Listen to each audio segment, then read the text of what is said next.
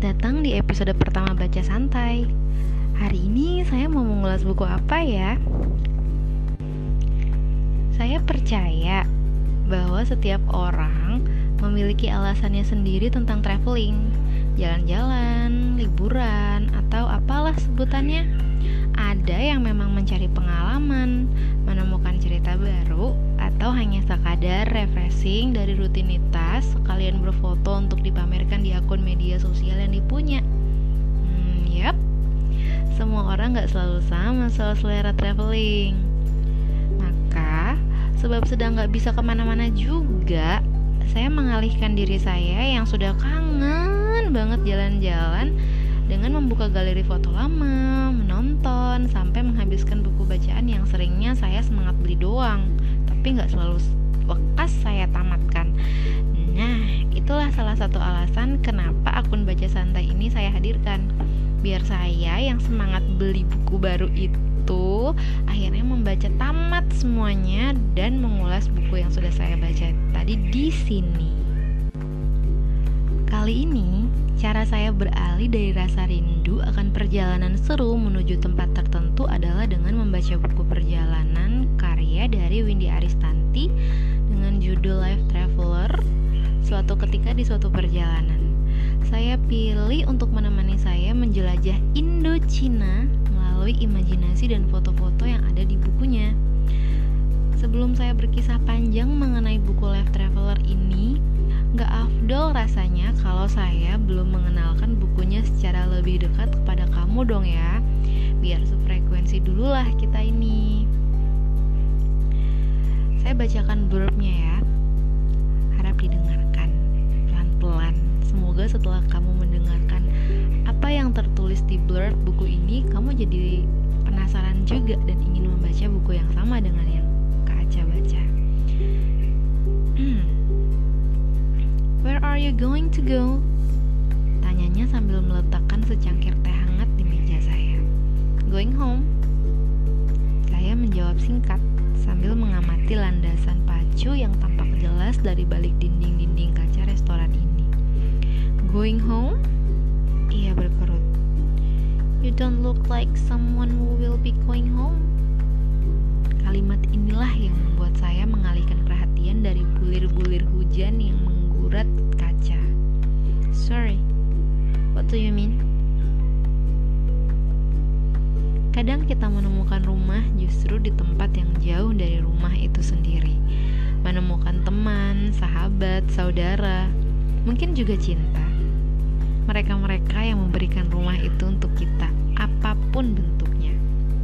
Tapi yang paling menyenangkan dalam sebuah perjalanan adalah menemukan diri kita sendiri sebuah rumah yang sesungguhnya, yang membuat kita tak akan merasa asing, meski berada di tempat yang asing sekalipun. Because travelers never think that they are foreigner. Awal ketertarikan saya pada buku ini mungkin kamu bisa langsung menebaknya. Ya, kalau tebakanmu bahwa saya mengambilnya dari rak karena penulisnya adalah Windy Aristanti, maka 100 kamu tepat sekali. Saya mengenal nama Windy Aristanti berawal dari rasa penasaran saya pada sesiapa saja yang berada di balik kekecehan penerbit Gagas Media. Dulu sekali. Lalu, semakin saya tumbuh besar, saya mengenal Mbak Windy ini dari beberapa kisah perjalanan yang ditulis pada blognya. Juga dari beberapa blogger lain yang mengagumi beliau, termasuk Ivan Akbar Pacar Merah. Ada yang sudah pernah datang ke Pacar Merah?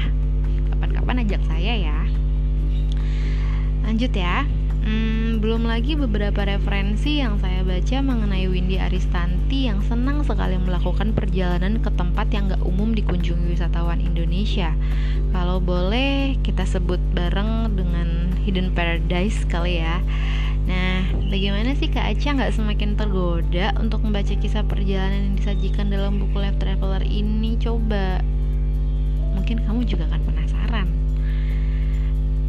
Beberapa pun merekomendasikan saya untuk membaca habis buku Life Traveler ini dikala sedang merasa entah sekali. Antara mau liburan, tapi sedang nggak ingin juga liburan. Bener aja.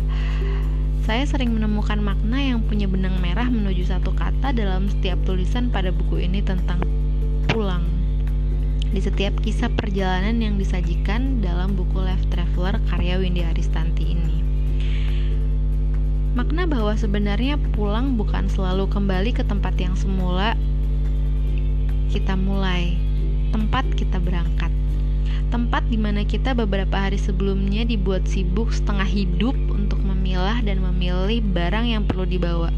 Sebuah ritual yang sulit bagi traveler pemula dan banyak takutnya macam saya. Awalnya saya kira Windy, Windy Aristanti akan membawa saya berkeliling Indochina aja, mengunjungi Vietnam mulai dari Hanoi, Hue City, sampai ke Siem Reap di Kamboja. Nggak terduga, saya malah dibawa ikut keliling dunia, menikmati setiap rasa yang sampai ke hati. Windy saat menuju suatu destinasi. Bayangkan, pembaca kepo makan macam saya diajak berkunjung ke Hanoi Old City dengan bangunan-bangunannya yang kebanyakan berwarna kuning mangga hingga ke kedai kopi tradisional bernama Toy Toy di desa pinggiran dari Republik Ceko yang ternyata tempatnya belum tentu ada di dalam peta perjalanan. Kalau di peta dunia ada nggak ya? Ada kali ya, tapi belum tentu di peta destinasi. Ngocolnya lagi, eh ternyata Toy Toy ini bukanlah nama si kedai kopi, melainkan toilet umum yang ada di sebelahnya. Iya, di Republik Ceko sana, toilet itu disebut dengan kata toy toy. Lah terus nama kedai kopinya apa dong? Penasaran? Coba kamu baca dulu bukunya. Perjalanan menuju dan sepanjang menikmati Frankfurt Book Fair. Para pecinta buku mana yang belum kenalan dengan bazar buku yang sudah lama dikenal ini? Saya sih tahu doang.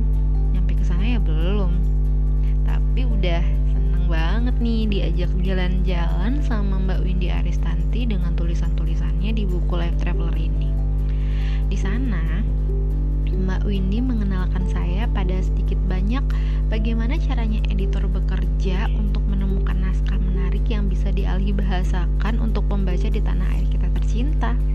Juga bagaimana suasana menyenangkan yang ada di sana.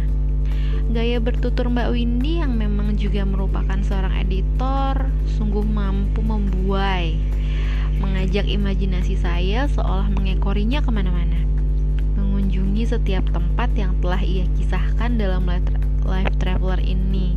Lagi dan lagi, saya jadi paham mengapa Cukup banyak teman yang merekomendasikan saya untuk membaca buku ini sampai habis di saat saya haus sekali untuk jalan-jalan, tapi sedang nggak bisa benar-benar mewujudkan niat jalan-jalan itu. Ya entah karena urusan kerjaan atau pendanaan kali ya. Sayangnya, saya hanya bisa menikmati sedikit gambar berwarna di buku ini Beberapa di antaranya bertone hitam dan putih. Beberapa lagi hanya digambarkan dengan ilustrasi. Namun mungkin bentukan layout seperti ini yang memang pas untuk buku bertema perjalanan ya. Agar pembacanya bukan hanya menikmati, namun tergerak juga untuk mengunjungi tempat-tempat yang telah dikisahkan sebagai rekomendasi. Rasanya jika kamu membaca buku ini sebaiknya dalam keadaan yang tenang. Bacalah dengan pelan, dan nikmati setiap katanya. Sebab perpindahan Windy yang smooth dari satu destinasi ke destinasi lainnya, dari bab yang awal dengan bab selanjutnya saling kait mengait. Kamu akan kebingungan sendiri jika kamu membaca melompat-lompat. Ayah, Kelebihan lain dari buku Life Traveler ini adalah adanya cukup banyak tips traveling di beberapa tempat yang benar saja bisa kamu praktikkan langsung jika memiliki kesempatan untuk mengunjungi tempat yang pernah dijelajahi oleh Mbak Windy Aristanti. Semisal saat di Vietnam, lebih nyaman bertanya dengan bahasa Inggris pada orang yang berpakaian hitam putih yang merupakan tanda kalau ia seorang mahasiswa. Hmm, salah satu tips yang boleh juga nih dicoba kalau kapan-kapan saya ke Vietnam. Saya pada akhirnya setuju bahwa sebuah perjalanan baik jauh, dekat, lama, maupun singkat perlu dinikmati, dirasakan dengan hati. Sebab selalu saja ada makna yang tersembunyi dari berbagai pengalaman termasuk cerita yang didengarkan dari orang-orang yang kita temui sepanjang di perjalanan. Semua elemen tadi mengajak pembaca yang tentunya punya hobi jalan-jalan untuk pulang, menemukan rumah yang sebenar-benarnya, di mana rumah tempat untuk pulang tadi bukan secara harfiah. Rumah ini berada di mana saja, di setiap tempat seorang pejalan merasa aman dan nyaman. Dear Mbak Windy Aristanti, terima kasih untuk buku Life Traveler yang benar-benar mengajak saya jalan-jalan, berkeliling, menikmati pengalaman-pengalaman Mbak, dan akhirnya saya mengerti bahwa seorang pejalan selalu merasa pulang dalam setiap perjalanannya. Terima kasih juga untuk kamu yang sudah mendengarkan podcast saya kali ini. Sampai jumpa di episode selanjutnya dengan buku yang berbeda.